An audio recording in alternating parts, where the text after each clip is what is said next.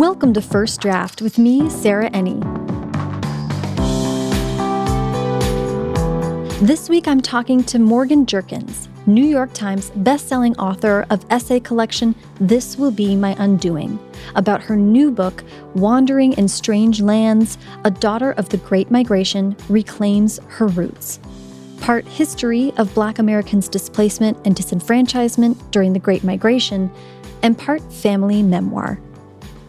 I so loved what Morgan had to say about how learning languages keeps her humble what it took for her to put herself in her nonfiction narrative, and what is lost when communities migrate and what is retained. Everything that Morgan and I talk about on today's episode can be found in the show notes. First Draft participates in affiliate programs, specifically bookshop.org. That means when you shop and buy books through the links on firstdraftpod.com, it helps to support the show and also independent bookstores at no additional cost to you. If you'd like to donate to First Draft, either on a one-time or monthly basis, you can do that at paypal.me slash firstdraftpod. If you're an aspiring writer with questions about the business, or you've been around a little bit and some things still escape understanding, uh, I'm with you, and you should be listening to Track Changes. That's the podcast mini series that has been appearing in your First Draft feed the last few months. The most recent episode came out last week and it is spotlighting inequality in publishing. How did we get here? How bad is it really? And what can we do to change it? I've also created the Track Changes newsletter, where every Thursday, sometimes Friday, I share more of the information that I've gathered in researching for this project. It's a great way for people who love context and want to get some more behind the scenes information to learn about publishing. You can sign up for a three-day free trial of the newsletter and learn more about both Track Changes projects at firstdraftpod.com slash trackchanges. Okay, now please sit back, relax, and enjoy my conversation with Morgan Jerkins. All right. Hi, Morgan. How are you? Good. How are you? I'm doing well. I'm so excited to talk today. I'm excited too. Yay. Um, so, for my podcast, I really like to start with a little bit of background. Mm-hmm. Um, I'd love to hear where you were born and raised. I was born and raised in southern New Jersey. Um, I first grew up in Egg Harbor Township, which is like perhaps 15, 20 minutes from Atlantic City. And then I moved to Williamstown, which is about 35, 40 minutes outside of Philadelphia. Okay. Yeah. Um, what was reading and writing? How was that a part of growing up for you? It was, I mean, embarrassingly enough, I'll admit that I was not that much of a reader. I knew that I had an imaginative, imaginative mind, but I didn't really find many books that resonated with me mm. or stuck with me for a long period of time. It actually wasn't until my senior year of high school that I started to find literature extremely engaging. And so, yeah. What was, what do you think, what was most of your creative intake, do you think? Movies. Mm. Movies. I would watch movies and I would think in my mind, how would I recreate this scene or how would I revise this scene to something that I'd like to see? That's interesting. Okay, so you were like fixing it. Yeah, yeah. you were editing. Mm-hmm, yep, yep. Um, what that's so interesting to me. What what um, if any creative outlets did you have like before college basically? Um well i would say that i, I did take create now that i think about it i did take a creative writing class in high school that i really enjoyed. Um public speaking was also creative for me. Cool. Um and then this is an, another embarrassing um fact. I, I used to be a child actress for a very very short period of time. So i guess you can count that as a creative outlet. Totally. Mm-hmm. oh my mm-hmm. gosh that's amazing. That. you're so close to the city too. I mean in my perspective you're close to new york if you're living in in New Jersey, so yeah, it feels like you can go into the city and do tryouts or whatever. Yeah, that's how it happened. I love that. Mm -hmm, mm -hmm. Um, that's so interesting. I really do want to want to spend a minute on that. That up until senior year, you were not finding books that were engaging to mm -hmm. you. Mm-hmm. What do you remember? What books were uh, turn the tide for you? Yeah. Um, when I was in an AP English class, I finally had the freedom or privilege, rather, to choose my own books and write presentations on mm. it. So I think one of the first books that, re- that I really engaged with was Lolita mm. by Vladimir Nabokov and um, Madame Bovary by Gustave Flaubert. So those were the two that yeah. really stuck with me. That's so interesting. What do you think it was about those books that really got to you? I think with Madame Bovary, it was the language, mm. just how maximalist, I would call it, the way he describes just love and, you know, that sort of thing. And then with Lolita, it was just the scandal of writing material like this and for it to be heralded as one of the most important books of the 20th century i was like wow and when i read it i was i just i was engaged not only with uh at the language and syntax level but just with the plot itself yeah, that's in high school. I remember one of the assigned readings was East of Eden mm-hmm. for for um, AP English for me the summer before, and I remember looking at that book and being like, "Oh my God, Steinbeck, please!" But it was so scandalous and soap opera y and over the top that I was like, this is literature. Like, I was like, mm-hmm. this is fun. Mm-hmm, mm-hmm, um, and then uh, on top of that, all the themes and the stuff that you can academically get into, mm-hmm. but it was just characters. And mm-hmm. um, anyway, so I love that.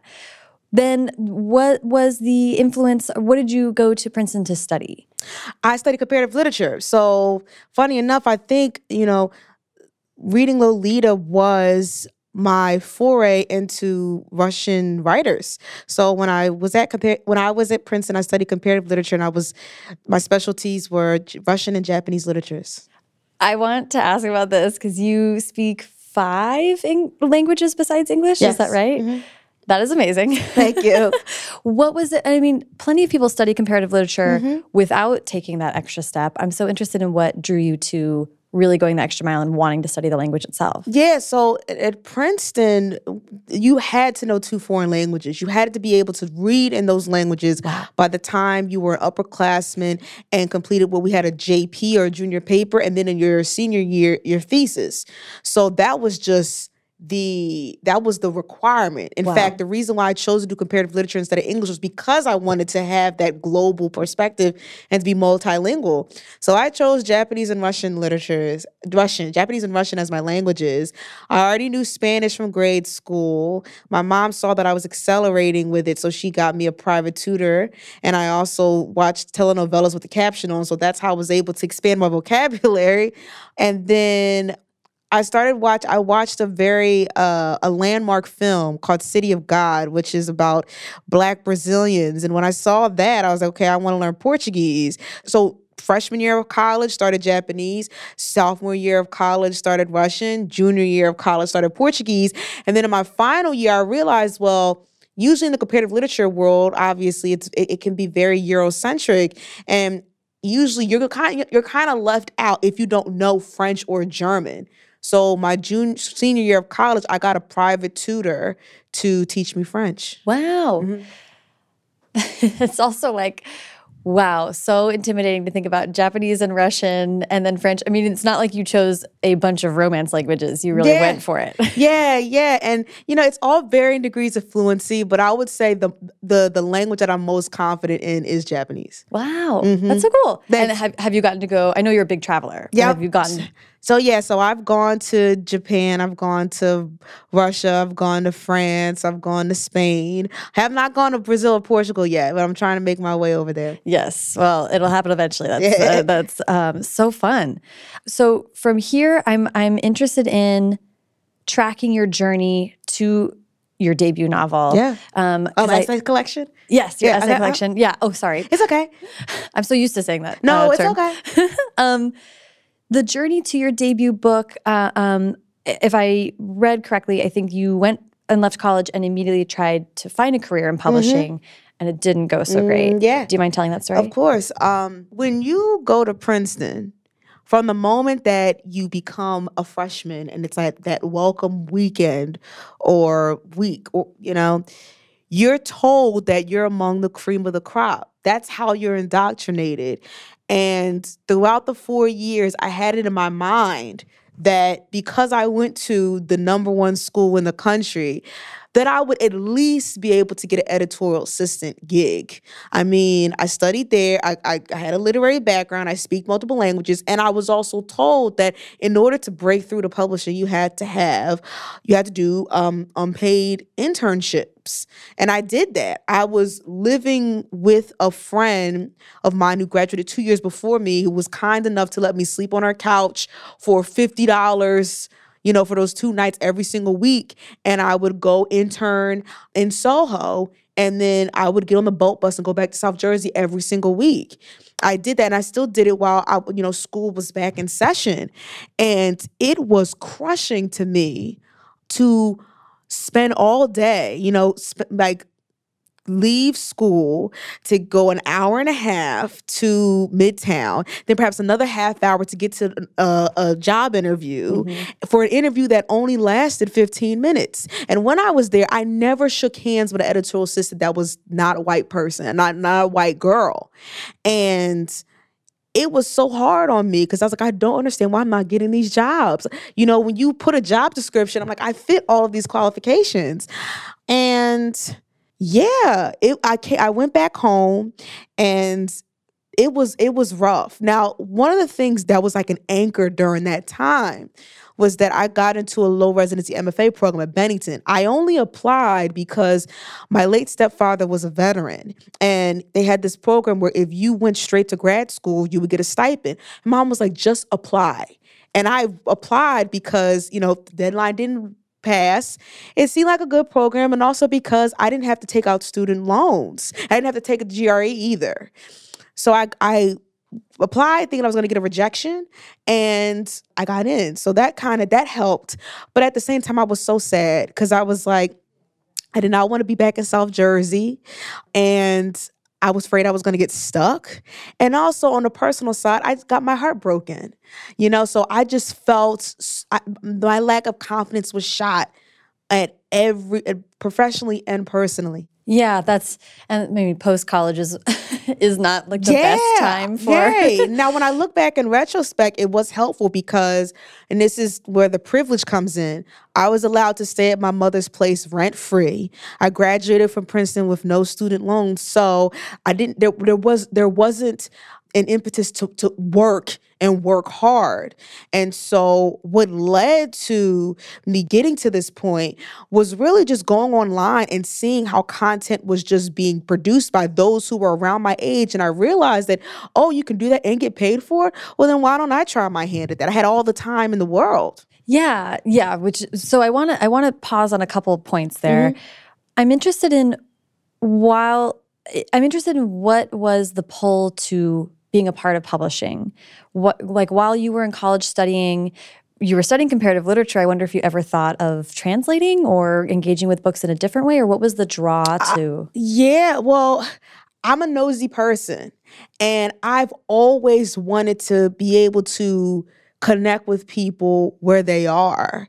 And so I thought that foreign languages would be a great way to that. I don't I I remember there was a moment, it happened when I was around 14 years old. I was a part of um this people to people student ambassador program where you would go to a foreign country for like 2 weeks and just sample what's going on over there. And I remember there was this one point where some of the students that I went with they just assumed that people were going to speak English to them. And it really impacted me because I was like, how can we fly 14, mi- 14 hours and you expect these people to speak English? You should be speaking Japanese. And I think it was that moment where it was like, I don't want to have this expectation. I think that whenever I speak a different language or maybe just learning languages in general has kept me, um, it keeps me humble and it, it it's um it's a versatility that I love. Yeah, yeah. Um, I love that. Uh, and choosing to engage with books. I mean, I'm just so interested that mm-hmm. you kind of really came to books in a real mm-hmm. way senior year of college and then it seems like you were very determined right. to make that your livelihood. Right. I mean i knew i wanted to be a writer since i was 14 years old. In my first book um, this will be my undoing i talked about how i thought i wanted to be a doctor. My father's a doctor.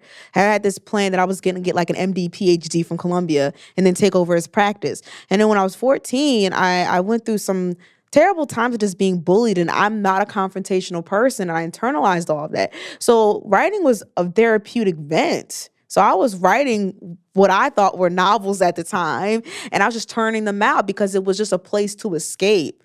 How was I going to turn it into a business venture? I had no idea. I was just trying to create as messily as I could. and what so what made you think? I mean, Princeton is kind of like a gateway to publishing, yeah. or how we traditionally understand it. But what made you think of being an editor or being on this side of things? Well, I will just say at Princeton, I mean, I still didn't think I was going to be successful. I didn't get into our creative writing program, even though I applied twice. And there were a lot of people around me who were more interested in in, in working at Goldman Sachs mm. and Deloitte and McKinsey because you would be making the big bucks at 22 years old and they would come recruit our campuses. So there was this point where I was like, am I making a mistake? Mm. You know, I don't want to struggle. How do you go to a school like this and you and you leave struggling? And I've just I've always been good with words when I got out of college, I had a friend of mine who had this like very small indie blog, and she asked me if I wanted to partake in it. And I said, sure. That was like the babiest of baby steps of editing. Mm-hmm. And then when um, I think it, it, was the fall of 2015, I had just been only a couple months in New York and I got a job working at Catapult, mm-hmm. which is a, like a literary startup. They publish content online, they publish books, they have workshops. And that was when I was editorial assistant. And I wasn't doing so much developmental editing, it was just like final edits, you know, looking at the mechanics and things like that. Mm-hmm. And I really liked it. I liked seeing stories at all of their stages and I liked reading about other people's lives. Yeah. Yeah. I do I do think there's an element of nosiness to people who no. I mean I love reading memoir and it's mm, like right. what else is yeah. it? I'm a, I'm just a naturally nosy person. I want to read about other people's lives. Yeah. Mm. Um I want to talk about the MFA program. I talk to a lot of writers, and I always like to ask about the MFA experience. Yours is so unique because it was low residency, mm -hmm. and you seem to be not only writing with the program, of course, but finding yourself through writing online at the same time. Right, right. Do you think, I mean, how do you think the low residency experience, it seems like that was uniquely great for you? Yeah. You know what I mean? Because it gave it you was. that free time. It was interesting because when I got into the program, I thought it was a joke. Mind you, like I said earlier, I was rejected twice from my school's creative writing program. So I just assumed that I was like, I'm not going to get into this graduate level program. It's not going to happen. And when I got there, I was the youngest person in my what we call term that term first term i was the youngest person and i was the only black person in my term. So i just thought oh maybe they just had a quota to fill um, and i'll never forget it. I was sitting next to one of the faculty members and i told her my name. She's like yeah i was one of the people that was like we should let you in. And that's when I was like, okay, I do have a right to be here. Um, I knew I wanted low residency because I did not want to live anywhere for two years. Now, granted, I think Vermont is beautiful, but I did not want to live in Vermont for two years. Um, but I, and I also like the freedom of a low residency program. I like the fact where it's like, look, if you give me a deadline, I will meet it. If I get to construct my own reading list and I get to provide you with annotations every month on what I wanted to read. So I like that freedom. And also, you can live anywhere. So I, I like that. You know, a lot of people, um, they try to say, you know, you have to be self-disciplined to go to a low residency program. And I agree, probably even more so than full residency programs. And I'm a, I, I'm very good at that. Yeah, that's it seems like you're a self-starter. Like when you're in charge of your own creative intellectual pursuits, you tend to really thrive, it looks mm -hmm, like. Mm -hmm. That's exciting. Yeah, thanks. Um, yeah, low residency is something I like talking about because every, you know, aspiring writers often are talking about MFA programs and should I do it, should I not mm -hmm. do it? And I feel like that's a great common ground yeah. for people who can't leave their kids at home or whatever yeah. or are more self-starty. How did you start writing for the internet and getting traction there? What was that experience like? I will say it was because of the start of the Black Lives Matter movement. When Michael Brown was murdered in Ferguson in the summer of, ooh, was that 2014? I mean, I just remember that I knew I wanted to write. I had already started writing opinion editorials when I was a senior in college. And I was noticing there was so much talk about diversity, and, and now we're talking about police brutality, which is something that Black people have known about for a long time. But these newsrooms didn't have a lot of people in there that looked like me, so they were relying a lot on freelancers, and that's where I found my entry, my portal, so to speak. I just had it in my mind. I was like, I may not be the best writer, but I'm going to work harder than the best writer. And I remember I first started um, writing. Um, op-eds about these particular subjects for Quartz which is a part of Atlantic Media. And it was a type of thing where I could produce a thousand words in 45 minutes, write it in 10 o'clock, see it go up at noon. And I knew that. I knew that I could be efficient. I knew that I could file on time. And I knew that I could turn in a clean copy. And that's how I think I was able to establish my reputation with editors and also just expand my portfolio. Yeah. I'm so interested in this that, uh, well, what kinds of, it's it, uh, were you also writing nonfiction at the MFA program? No. I was actually, and that's the funny thing. When I was studying at Bennington, I was fiction, Mm. but I was writing nonfiction online. Right. This is really, I'm so interested in this. And and what kind of fiction in particular? Poetry or? Oh, uh, literary fiction. Okay. Yeah.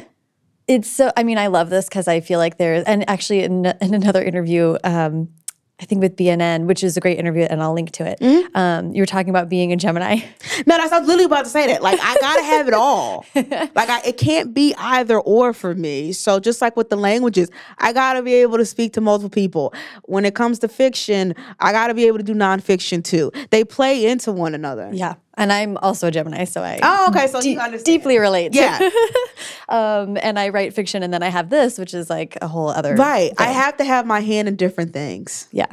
So, how do you think, um, you know, I'm just so drawn to the fact that you really seem to start to find your voice in nonfiction writing and in deeply personal writing. Mm-hmm. What what was the process of that? I mean, you're very, and, and we'll, we'll get to the collection because it's so deeply personal, Mm-hmm. but I'm just curious about what your thought process was in revealing so much of yourself publicly. Yeah, so I mean, even though I'm a Gemini, um, I suppress a lot. I minimize my pain. I minimize the, the the the the grandeur of my feelings and try to make it seem like it's not that big of a deal. Sometimes it has to deal with trauma. Sometimes that deals with just being afraid to talk about the good things in life because you're afraid you're it's going to turn around very quickly in a devastating way. And other times just because I pour into other people a lot and I you know, forget about myself. Hmm. And so when the book was acquired, it was a way to give honor to myself and to and the way to show myself and other people like I existed, or I exist. And these things happened and they matter. And the reason why they matter is because they're still stuck in my brain X amount of months or years later. And I'm able to narrativize that in a way that, you know, the younger me could never do that. And so it's one, and my book was, you know, that type of like it was a document to give shame back. A lot. That's why I call it "This Will Be My Undoing." It's an undoing of whatever was pressed upon me. I didn't do that myself. And it is deeply personal in a sense. I don't know if I can write an essay collection that personal until, you know, X amount of years or a decade or two come around again because it was so much. Yeah, I mean, uh, and I I talk about this with young adult writers too. Like, there's, you can write. I don't know if this is relevant, but mm-hmm. but a lot of my friends are kind of reaching this window where it's like, okay, we've reflected on our young life now through these works of fiction, maybe now we're moving to process the next decade. And as Yeah. we get into our 30s, we're like, oh, I think we're starting to write about 20s somethings now. right yeah like i think it was so much processing and it was so personal in a sense that it's now it's like okay leading into my next book i could talk about history but i want to set it my my personal history but i want to set it into a much much larger context something that has broader implications and I, i'm loving more of reportage i'm loving more of connecting people's stories to one another and that's something that really excites me nowadays so it's just an expansion Yeah. of what i've been doing Yeah. Okay. Well, let's let's lead up to that. Okay. Um, I want to talk about how you were going from your from studying an MFA and really finding a lot of traction online. I think a couple, at least a couple of your stories um, or your articles went viral. yeah And you were kind of a, a known voice on the internet, which is exciting. So, how did the idea for an essay collection come to be, and how did you kind of start to put that together? my agent said to me, "Why don't you think about an essay collection?" Which I, you know, it's it's funny because when I went to meet my agent for the first time, I had a copy of Bad Feminist in my purse. So those things come around full circle That's because amazing. Roxane was the one who gave me the blurb for this will be what I'm doing. So just cool how things do come full circle. But yeah, I was not interested in writing nonfiction. Period. I thought that books like of nonfiction books are for those who have lived extraordinary lives So, you were not, wow. or those who are experts on a particular topic like i'm talking about 20 30 years deep in a, in, in a very esoteric subject mm-hmm. i didn't think there was a space for me but what's interesting is that from the years 2014 to I would say 2016, excuse me, 2018, because my book was published 2018. There was just this huge, huge boom, boom, I guess, in feminist literature, essay collections, memoirs. People wanted to read about the lives of women for better or for worse. And it was just a it was a ripe time. And mm-hmm. she called it and she saw that I was writing online. I was already writing subjects online that had to do with race and gender. And she just thought that because I already had that platform, I might as well build off of that.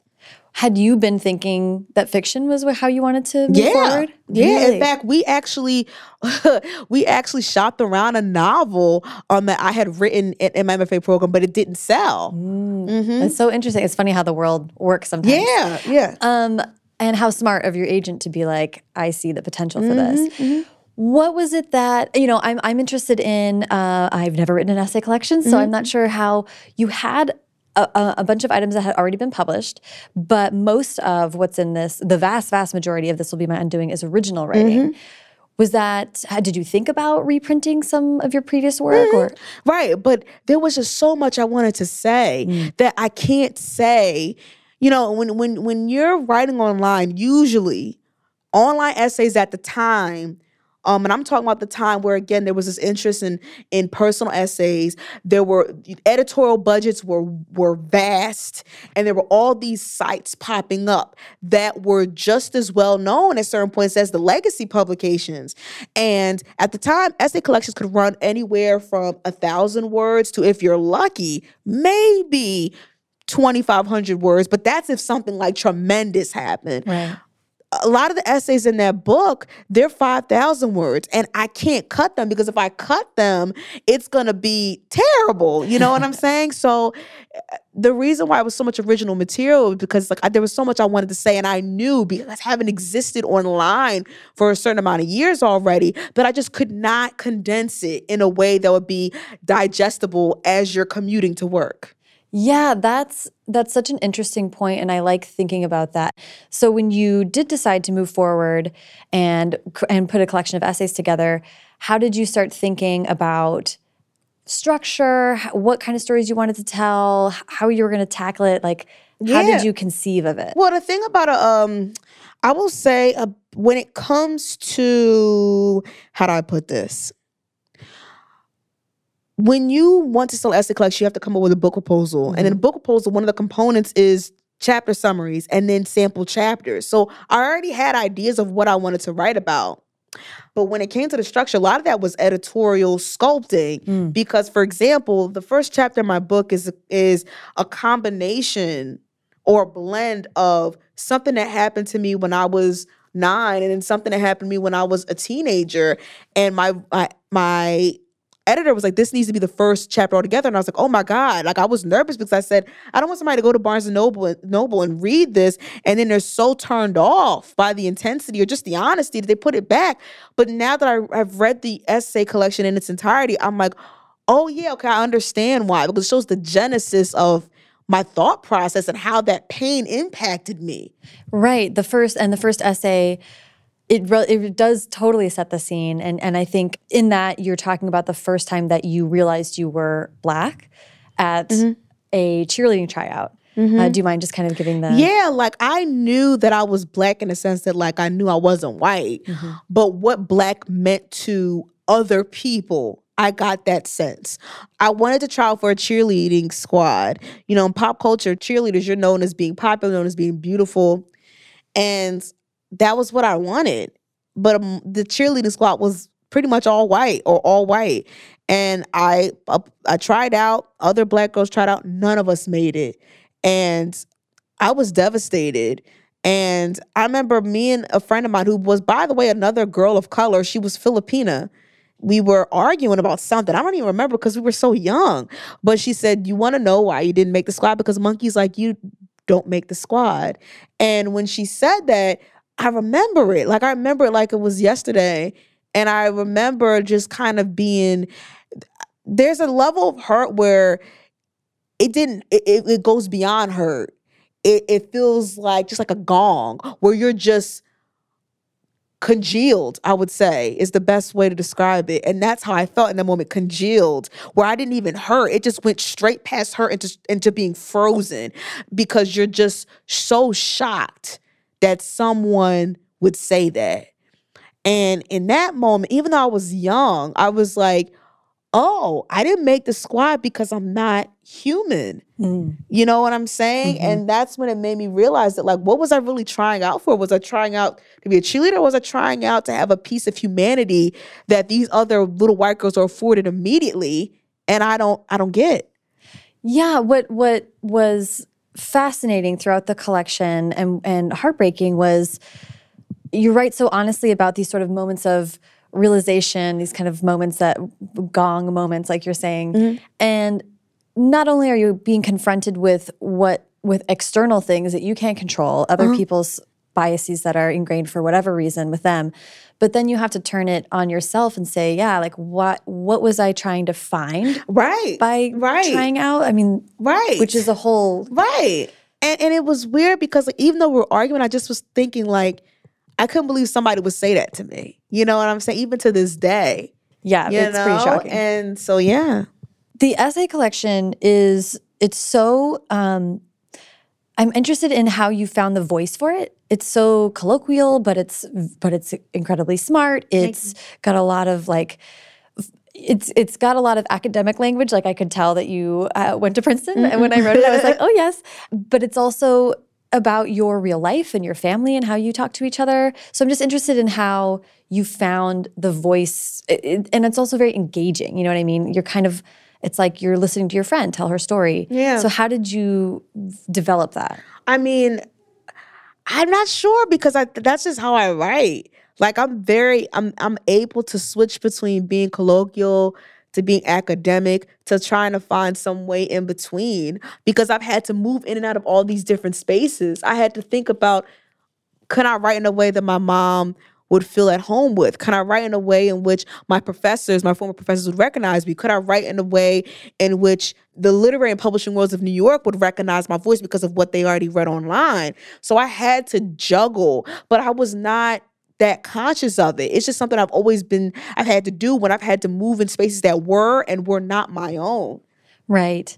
And that that is an interesting point because I'm curious about how how much you thought about audience yeah. while writing these things. Yeah i mean you have to. I mean it, it, when you're writing for money you have it's, it's a business. You have to market it. You have to sell it. So i had to think about okay this is a paperback book it's essay collection. I'm in my 20s i can't write as if you know i'm i'm writing my dissertation. It's going to turn a lot of people off. Like and a lot of times if i'm writing about a little girl that's trying to write a cheer trying to get into a cheerleading squad why do i need to write such elevated highfalutin language for that i don't need to do that so it's it's it's a matter of I would say flexibility and I think also just knowing that I'm just trying to tell a story at the end of the day. Now, if I want to bring in the research, then I know I might need to expand. But when I'm just trying to tell a story, I'm just trying to tell a story. Yeah. Uh, uh, uh and I guess the root of my question is just in the in in like imagining writing something really personal. You're talking about your family, you're talking about um, your sex life and very personal topics, mm-hmm. but you are always thinking about audience and how it's going to be interpreted or received by even people you love or strangers. Yeah, it's funny when you say sex life because I was like lack thereof because I was like I was very, you know, but um, for me it was like I'm not gonna let anybody put any shame on me anymore. I like I said what I said, and I said it because it needed to be said. And it's interesting when you're a young writer or a female writer or a young female writer or a young female black writer, people always want to ask you, don't you think you went too far? Mm. And I get where it's coming from. Because I don't think it's coming from a place of malice, but I also feel like people never ask men this, irrespective of age or race. They never in fact they get they get praised for their audacity. And I tell people this all the time. I get to set the line. I get to set the boundary for myself. So when people say, you know, did you go too far? Where's the boundary drawn? It might be your line, but not mine. And now, granted, I open ever since the publication of the book, I've been recalibrating a lot. You know, I'm still in my 20s. My energy's different. My boundaries are different. They're more directed, and so I do uh, have a different level of judiciousness with what I disclose mm. in personal and public circles. But at the time, I was like, I do what I want. You know, I, I do what I want. Yeah. I love that. That's, I was telling someone the other day that I think every, every real fight I've ever gotten into boils down to me saying, uh, "Don't tell me what to do." Yeah, it's, it's literally like I, I get what I get where it's coming from, but it's like I did it for a reason. And it wasn't for me to be a provocateur. Like it wasn't so I could just bring up gratuitous scenes, but it was like because it happened and it and it's real. And it may be uncomfortable, but like imagine for the person who housed these emotions for so long, you know? Right. Well, and and this was what was what really struck me when I was reading was and I'm going to tell you my impression and let me know if yeah. I'm really off. Mm-hmm. Um, but it felt like you were writing as a young black woman to other young black women who would probably see themselves and know your experience very well or, mm-hmm. or can relate to it really deeply. And that it was the parts that I didn't know or understand, like the all the discussion about hair, which mm-hmm. is a lot was new to me, mm-hmm. was this gift of being able to relate to you as a as a not a character but a, uh, the writer of these essays and hear conversations I may not otherwise hear. Yeah. And, and you know, I, I like that impression. I also just want to add that there were uh, some black women that couldn't see any of their experience in, in me, and that's fine. You know, like I, I make it clear about my privileges. If you see my Twitter, if you've gone to an, an event of mine, even in the book, like there's certain privileges that come with me being light skinned. There are certain privileges come with my, you know, my socioeconomic status. There are privileges that come with my education. And I don't shy away from that. And so I don't want to say, and I even say that towards the end of the first chapter, I cannot speak for all women, black women, and I don't want to because that that's just reifying a structural problem in the publishing industry. However, I do think the ideas of of being stigmatized for your race and gender, black women can relate to. Right. And like you're saying, I mean, like white women writing memoirs are not asked to write a memoir for all white women. Like that just no, is not not at all, because there's so many. You know what I mean? Yeah. There's so many to choose from if you go to a Barnes and Noble. Yeah, mm-hmm. right. Um, I want to expand to kind of talk about about your family, mm-hmm. and that kind of naturally leads to uh-huh. uh, wandering in strange lands, because I, I was so struck by your conversations, and this will be my undoing. You talk about your mother and how she raised you mm-hmm. with such honesty, but also with such like grace and respect and mm-hmm, understanding for mm-hmm. her. And then I was totally heartbroken about how much you learned about her mm-hmm. by doing by asking questions that she hadn't asked for many reasons. Yeah. But I, am so I don't know what with I'll kind of ju- officially jump into this in a second. But what did you feel? Was sparked while you were looking into your own past that made you want to think dig deeper? The silences. I grew up around a lot of black families where silence was like another family member. Mm. Silence was embedded in every single conversation, the tapering off of things we do, um, the stories that we have. There was always an origin um, a, a genesis that was missing.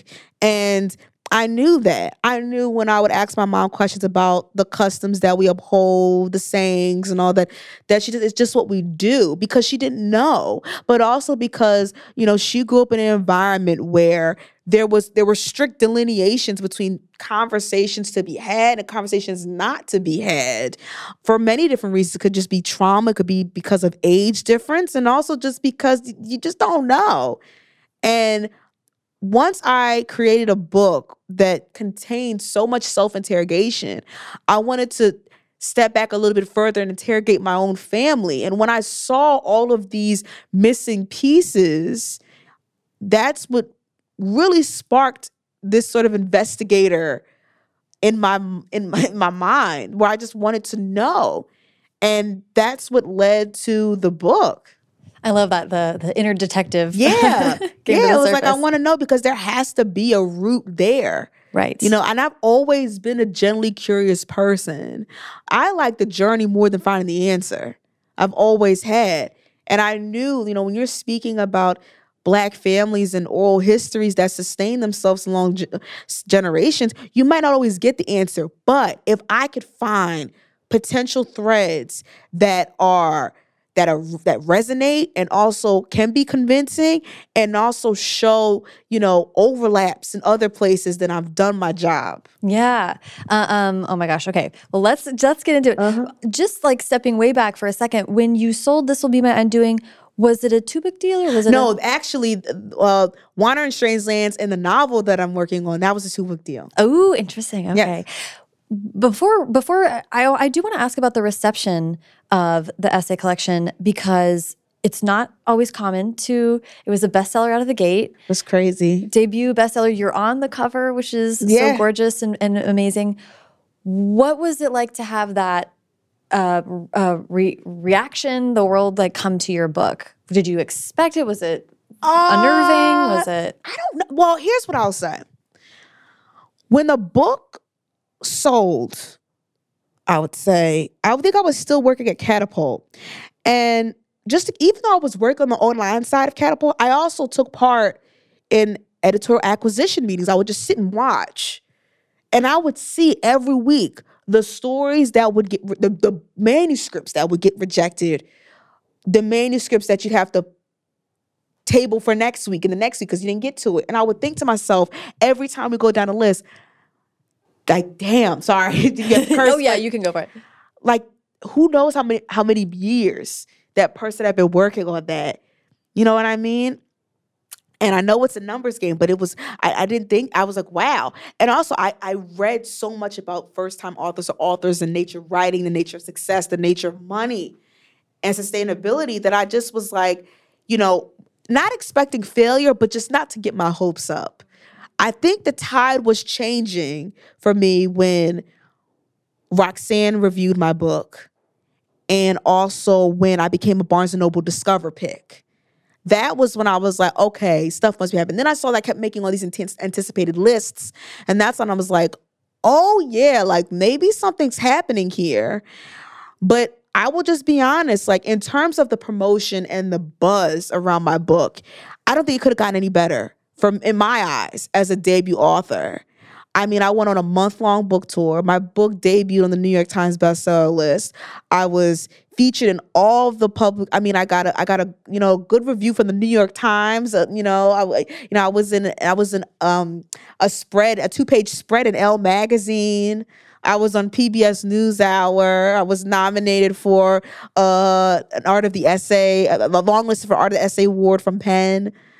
I I think it's going to take a while for me to understand the grandeur of that because even with my second book i'm still thinking i'm a debut like it's weird and I, maybe it just it, it isn't it attests to the, the the quickness of how everything has been happening but also just because it doesn't sink in it, it just doesn't Yeah, and that's why I ask about it because it's very. Um, uh, I'm I'm happy for you that you had so much publishing experience and know-how because then I think it contextualizes things. Yeah. and it's a little bit.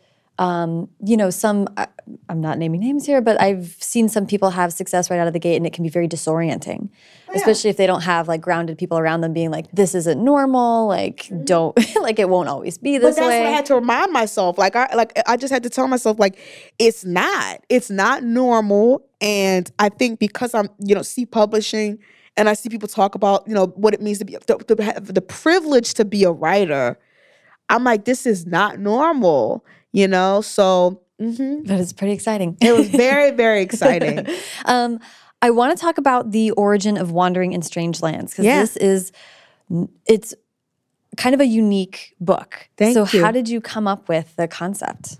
it's gonna sound crazy but i was watching get out Really? the movie and i was if you have you seen the movie yes. So the climactic scene towards the end where the you know Daniel Kaluuya's character has his arm has his hand wrapped around um I think Allison Williams I think that's her name her her throat and the police comes up and everyone in the in the theater gasped. Now mind you I was watching this in Magic Johnson Theater in Harlem so it was black audience. And I thought it was so intriguing to me because I was I'm always a person that has to look beneath the surface always.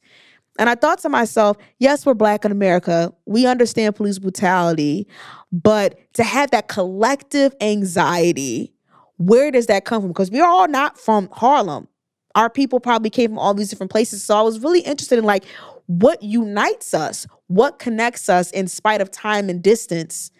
And when I started doing some preliminary research, I realized that one of the greatest or most influential time periods, I would argue, in American history was the Great Migration, when millions of African Americans fled the South and moved to the North, to the Midwest, and and the, and the West to, you know, have a have a better chance at life. And when I realized, I said, all these communities, they they scattered across the country, but yet you see similarities in our food, oftentimes in the way we the way we speak to each other, the traditions that we uphold what I want to find, I want us to be in dialogue with each other, to have these conversations between those who left and those who stayed, just to show us and to show the the country or the world rather that in spite of the time and distance, despite the land displacement, despite the racial terrorism, despite the trauma, we are still connected to each other. And so that that's what it was was just an, it was an investigative journey.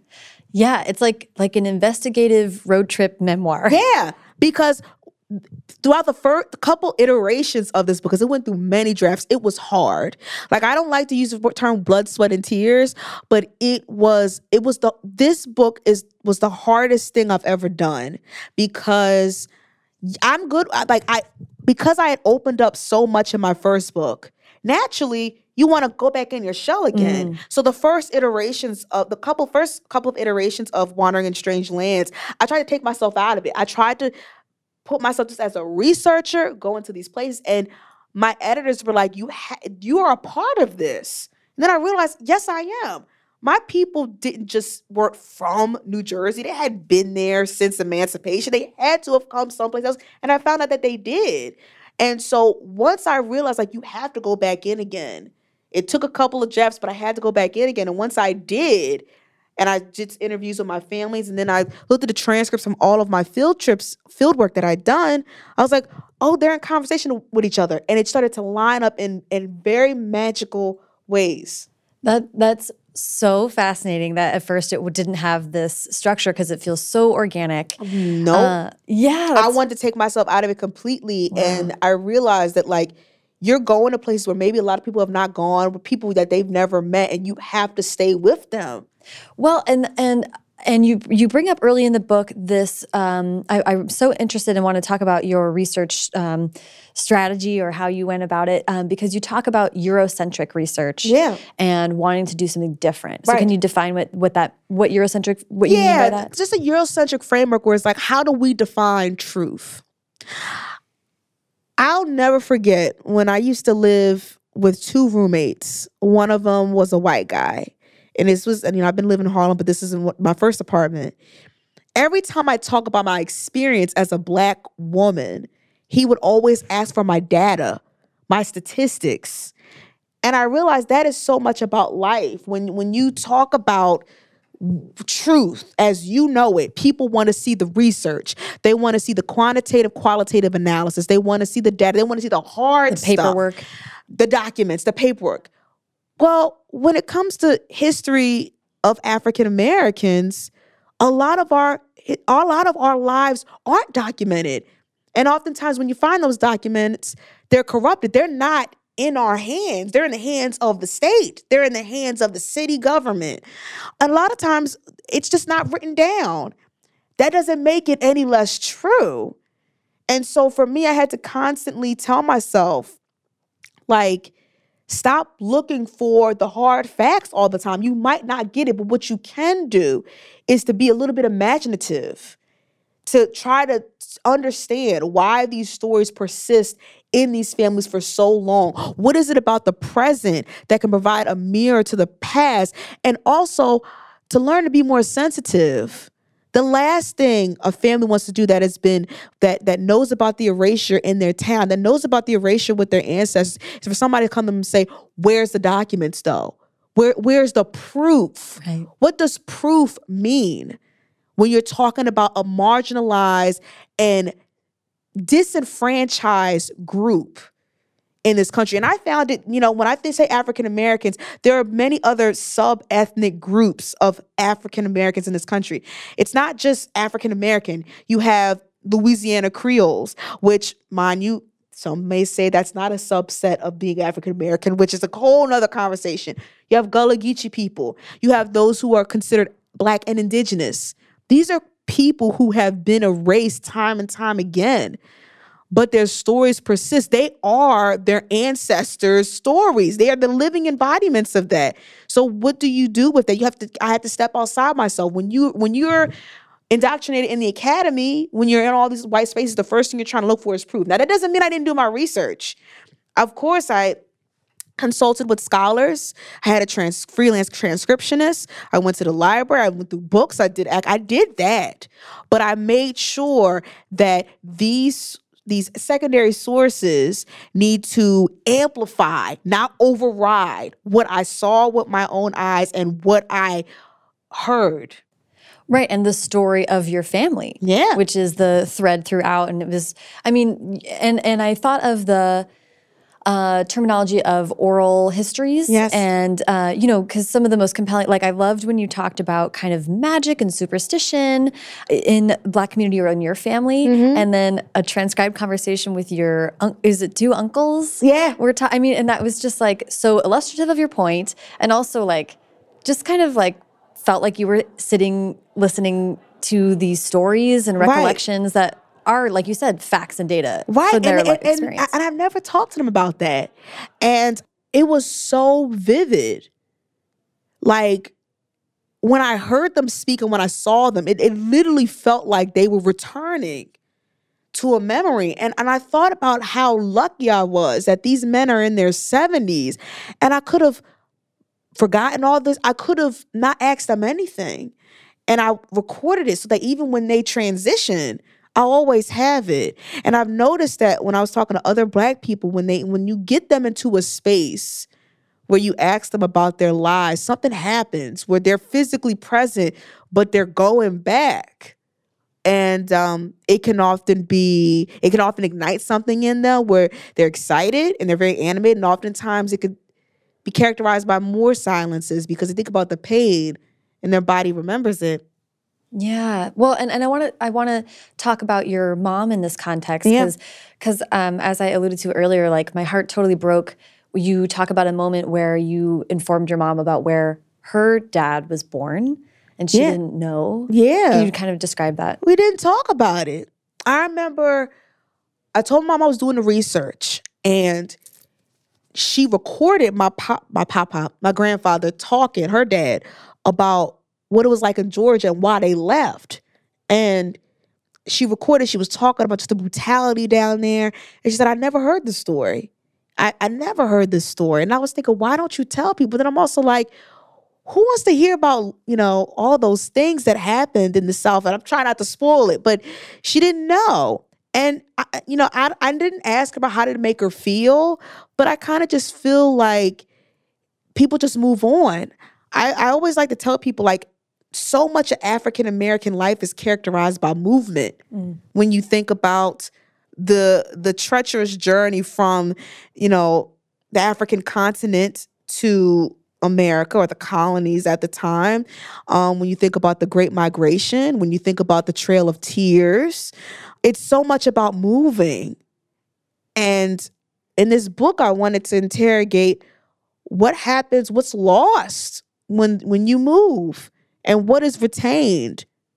And and what really struck me was, I love phrasing it that way. That's so true. A- And it and we're, it's like even within a generation. Mm-hmm. I mean, because you talk so much about having to sort of, and and I I want to be careful on how I phrase this, but in having to sort of unlearn some of the things that your mom taught you. Not that she was teaching you it for ill intent, but Yeah. to survive in the world. Mm-hmm. And her parents had this entire I mean like Yeah.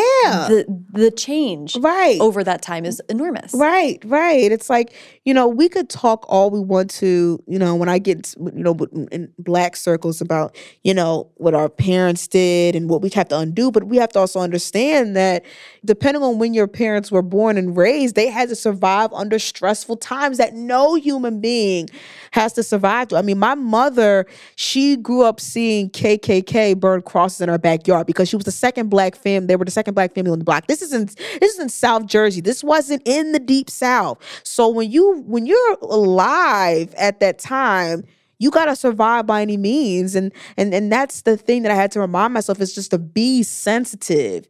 You know, be very sensitive, even with your own relatives who decide to let you in to those parts of their memory that they may not access otherwise. I'm, I'm interested. Um, obviously, I'm an interviewer also, Mm-hmm. so I'm interested in when you were conducting this research in the field.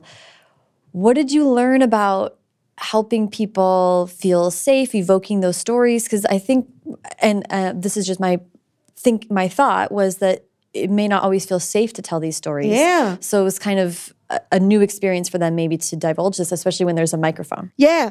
Um one of the things that I did was I spoke to everyone that I wanted to spoke to most people I was interviewing before they even saw me. Mm. And so I knew that I said just because you're black does not mean that you you don't know these people. These aren't your communities. And um I made sure they knew who I was. They heard my voice. Um when they before I went there, I gave them my website. So they knew already had a best-selling book. This is where I'm based. You go online, type my name, you could see me. But also because I think it also because I was black, you know, and when they saw me, I was showing up literally with a recorder, with a notebook and pen. And I'm also short. So I'm not I wasn't showing up with a whole team and a camera crew and lighting. It was literally not all the time, but because at certain points in my journey, particularly when I was in Louisiana and when I was in Cal- uh, California, I wasn't by myself. I had someone with me, but it was always like one other person. But beyond that, I was by myself. So I'm not. I don't. I don't really. I, I kind of think I put people at ease because I, I was just. I'm a woman also. Now that might be sexist. I don't know if that comes out right, but I'm not as intimidating. You know. Right, and there's also, uh, and I, I, I relate to that, and I feel like there's, um, I feel like there's a benefit. I mean, I, I can speak to my experience of even asking someone to hold a microphone. Yeah. they can forget that they're holding a microphone when it's just this. It's an audio format. It feels like a very intimate conversation, and when people forget that they're on tape, is when you have these wonderful Right, conversations. Right. And um also I'll say, and this is gonna sound I don't know if this will sound like con uh like narcissistic or whatever, but people have always told me that I'm really easy to open up to. I don't know why. I don't know if it's because of the energy that I give or whatever, but I found that people open up to me really easily. And and what I do is that I do just like you're doing. I will put the recorder right in between us so they would see it. They would see when I would start and stop. They would see that I would be writing in my so writing in my um, notebook. Other times, you know, people say they would come like some of these people that I've interviewed before, they would tell me like they know people that would put it the recorder in their back pocket. You know what Wow. I'm saying? Or they talked to them and they realized they weren't even being re- they weren't even being recorded. It's things like that. So they would see that. Yeah. You know, and I would be spending time with these people over the course of days. I'd come to them. Right. Even though I'd be scared a lot of times. Right. In fact, there were many moments where I'm like, how the hell did I gather the bravery to go to these places? I, I didn't and by myself. But it was like because I had a job to do. Right, You right. know? Well, let's talk about that the, the actual travel element of Yeah. this book. Um, I know you're a big traveler. I just would love to hear, like, when you set out to do this, was it always you're like, I want to be in the field? Yes. If you're trying to have this sort of national dialogue with people who fled, whose people whose families fled and those who stayed, you have to go where they are. And I think that's a part of me being a storyteller mm. is that you have to follow me going there. I, I, I mean, if if this if I didn't explain to you what these places looked like, what it felt being there, it would lose so much intimacy. It would cause so much distance. And in fact, I'd even argue that the book would fall apart in a sense because I want you to feel that southern heat. I want you to be able to see the many the many fields of land that I see. I want you to be able to understand metropolitan spaces, what it's like to be alone, what the Mhm. water feels like. You know, I had to go there. And I also thought to myself, because I left, in a Mhm. sense, part of me being born and raised in New Jersey is because my ancestors made a choice that changed the course of my family's lives forever. So for me not to go back would and, it just stay in my comfortable New York life would be a huge disservice to the research that I was doing and just my life as a- and, and just like as a as a journalist it would be and also to my audience I- Mhm. it would be a huge disservice to that. I honestly think my my my editor would not like that. They would not. They're like, no, you That gotta would- go there. I wouldn't have flown. Yeah. Um, this feels like it's such a unique work of nonfiction, and it it did feel like this kind of beautiful blend between fact and data supported analysis of like what happened Wow. and also an oral history of tracing like generations of people and the stories that they've passed down and it just was it just i'm having a hard time articulating but it just felt like so important and this lived like um, reference point you know i think about like museums where you walk through and you just see like clothes that people wore like normal stuff that was over the course of someone's life and you just it engenders just like empathy and understanding in this way there's not a question here i guess but Eh. it's just such an interesting work in that way Yeah, I mean, that's all I wanted. I wanted people to meet the people that I met and to be moved by the people I met and and to just understand that the lives of African Americans are so multi-layered and so complicated and so rich. And I know that in a global sense, but I mean in a, in a, in a molecular intimate level aside from my family Mhm. I wanted to know that and I wanted to be able to document that. And what I hope that it inspired for, I'll say first for Black artists, is to start asking questions Mhm. to the people in your life who are still alive. And I think for non-Black audiences, it's just to understand how we have a pe- how we as a people have survived and still been able to speak to each other in spite of what it took for us to remain here. You know, I think that that is what I I really wanted to convey with this book. And just for me personally, like I want to have a child one day. Now I understand to my child that because of this book, because of the, the journey that I took, that my child will now be able to name ancestors 300 years back. That for me is probably one of the greatest gifts I can give to my family now and in the future. Yeah, yeah, it's amazing. And like a good reminder about telling stories to Yeah. our kids. I mean, my family experience is obviously wildly different, but my grandma was born in Michigan, the daughter of two people from Finland. And Mm-hmm. it was like she wasn't going to talk about it because it was really sad. Her parents died young and it was tragic. And Right. but I'm like, God, I wish I had those stories now. Yeah. Um, because she really lived a life that I can't imagine. Right. Um, and we and and it's a good reminder, like while they're there, like document it, Mm-hmm. internalize it. And that's the great thing. It's like I have this collection of voices, you know, those who are my family, those who aren't. It's like even when they're gone, I'll always have it. Mm. and contextualizing your own family. I feel like that's a Yeah. um, a useful thing for everyone in uh, your family can read this book and be like, oh, I learned about Yeah, myself. yeah, yeah. um, oh my gosh, I want to talk about your novel. This is so interesting. Can you tell me what that's also? I, I don't know if this is true or not, but it feels unusual to have a nonfiction and a fiction title sell in the same contract.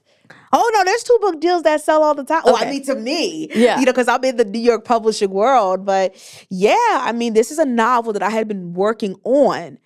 Oh, I'm so excited! It's a novel I've been working on since I was in grad school. I first wrote it as a short story, and the book it's um in African American folklore, which is actually what i actually give a little bit of a teaser in here Ooh. is that it's believed that if you're born with a caul, which is when you're born in the amniotic sac, you have you are blessed with healing properties, the, the gift of second sight, being able to see into the future or see in the past. And I wanted to contextualize that into modern day Harlem. One of the things that's really been uh I've been fascinated with and mortified by is the precariousness of black mothers Hmm. in this country So I wanted to write about like what does it mean to possess a caul? So I write about this matriarch family where they profit off of pretty much selling their caul and their bodies and how does this this capitalistic effort intersect with the ideas of family loyalty and of course motherhood and it's set in modern day Harlem. That's amazing. And I wrote it actually as a short story. I was in grad school I was afraid to write it. I was like, what kind of book is this? And you know, what kind of story is this? And my my my advisor at the time is Alex Chee. And when he read the short story, he said, This needs to be a full length book. And I and I was like, oh man, because I just want to try my hand at short stories. And sure enough, the the novel it, it, it sold. Yeah, that's amazing. I, I, feel like he's when he says something, you're he like, did. Okay. I'm glad I took his advice. Yeah. What uh, what has it been like to shift from writing nonfiction so so intensely for a few years into this fiction space? Fiction has always been my first love. It has always been my first love, and I, it's it's like I it's like a secret space because the world doesn't know me as that. Mm. The world knows me as nonfiction. Even though people say you went to the Bennington Writing Seminars, I think a lot of people assume it's for nonfiction. Mm. So it's something that I've held in my space for a very long time. And when I had to do the shift, I worked on Wandering in Strange Lands and then I worked on the fiction. And I felt like my voice felt more confident. I felt more authoritative, but I also allowed myself the idea of like, let your characters take you where they're going to take you. It's the same thing with just like with the journey with protagonists. Think about the journey with like this field work. You don't know these people. Yeah, you got in touch with them, but they might lead you certain places that you didn't expect. And I think that's the type of thing that I wanted to uh, repeat in novel writing is to have an idea but to take your hands off a little bit and to and I because I can definitely be controlling um and I wanted to you know with it comes to narratives and trying to hold on to things like let it breathe and see what happens to it right mm-hmm. I totally uh, relate to that mm-hmm. I love uh, the parallel between interviewing and letting someone tell you their story and letting a character develop that, yeah just let a character develop but you may not know what, what, how the chapter is going to take form until you write the previous chapter and you get to the end you're like okay now i know. Yes. But but trust yourself enough to know that your brain will will find the connections when it needs to. Yeah. i used to be a type of person where i needed to chapter by chapter this is what happened this is what happened this happened. And that may work but i remember when i was in Bennington i read i, I was listening to a lecture by a poet named marie howe i think her name is and she said about being in the state of not knowing and that has influenced me for a while where it's like it's okay to not know where you're going to lead. You know, stop catastrophizing, which is something I tend to do, and think you're just going to get to the chapter and it's just going to stop immediately, and you're not going to know where to pick up the pieces. Yeah. Oh, I'm so excited mm, for you. Thank that's, you. That's thrilling. Um, I want to wrap up by talking about therapy and then advice. Yeah. I want to I I uh, am a huge proponent of therapy. I talk about it on my show all the time. Mm-hmm. Um, and so I was thrilled to hear you bring it up often in your uh, interviews for This Will Be My Undoing. And I just wanted to give you the chance to talk about how that was a part of untangling these these nonfiction stories about your own life. right. I needed it. I grew up like many other black people where therapy was just religious black people, where therapy was just not something that we discussed. It was not something I knew anyone did, but I needed it. It, it, I needed someone to help me figure out the tools for self care, for forgiveness, for grace, for boundary setting, and for celebration. And I think that, you know, for, for me, it's it's something that I, I, I still do. And it's something that, you know, it, it's like a it's like a tune-up every week. I, I I'm very I can submerge myself in work very quickly. I can submerge myself in the thoughts, feelings, and lives of other people, and it's like a check-in. So it's something that I I'm, I'm fortunate to do because I remember when I was a freelancer, when I had a four thousand dollar deductible, it was not easy. So uh, that's something that I, you know it's it's a privilege that I don't take lightly. Yeah, that's a really good point. That is important to to point out, but man, everyone should be in therapy. no, they, they should. All of us are I, I would say all of us uh, is dealing with trauma on some level.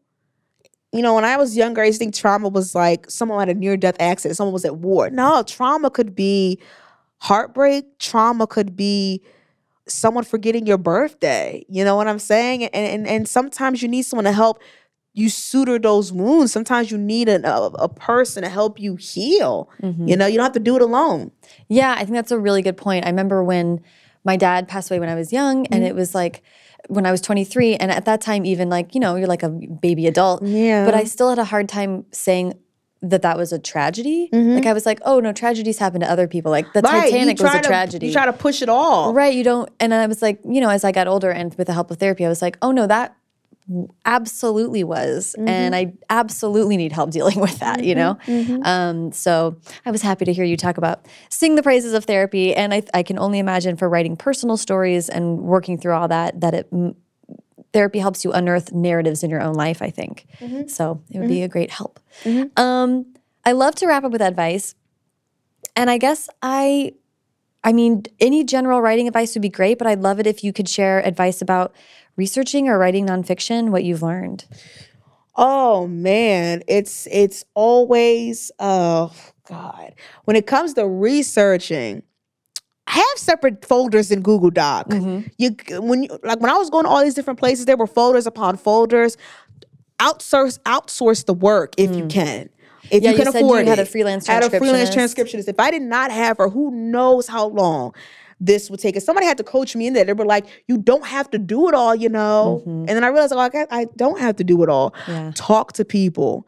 Um, I was very fortunate to reach out to scholars and academics who helped me, and I realized like, a lot of them are just sitting in their office. That doesn't mean they're not busy, but they would love to have somebody reach out to them. Yeah. And so, talk to them whatever type of insight that you have or some type of guesses you know talk to the people because you know they, they they had a specialty for a reason. They're passionate about it. So talk to them about that.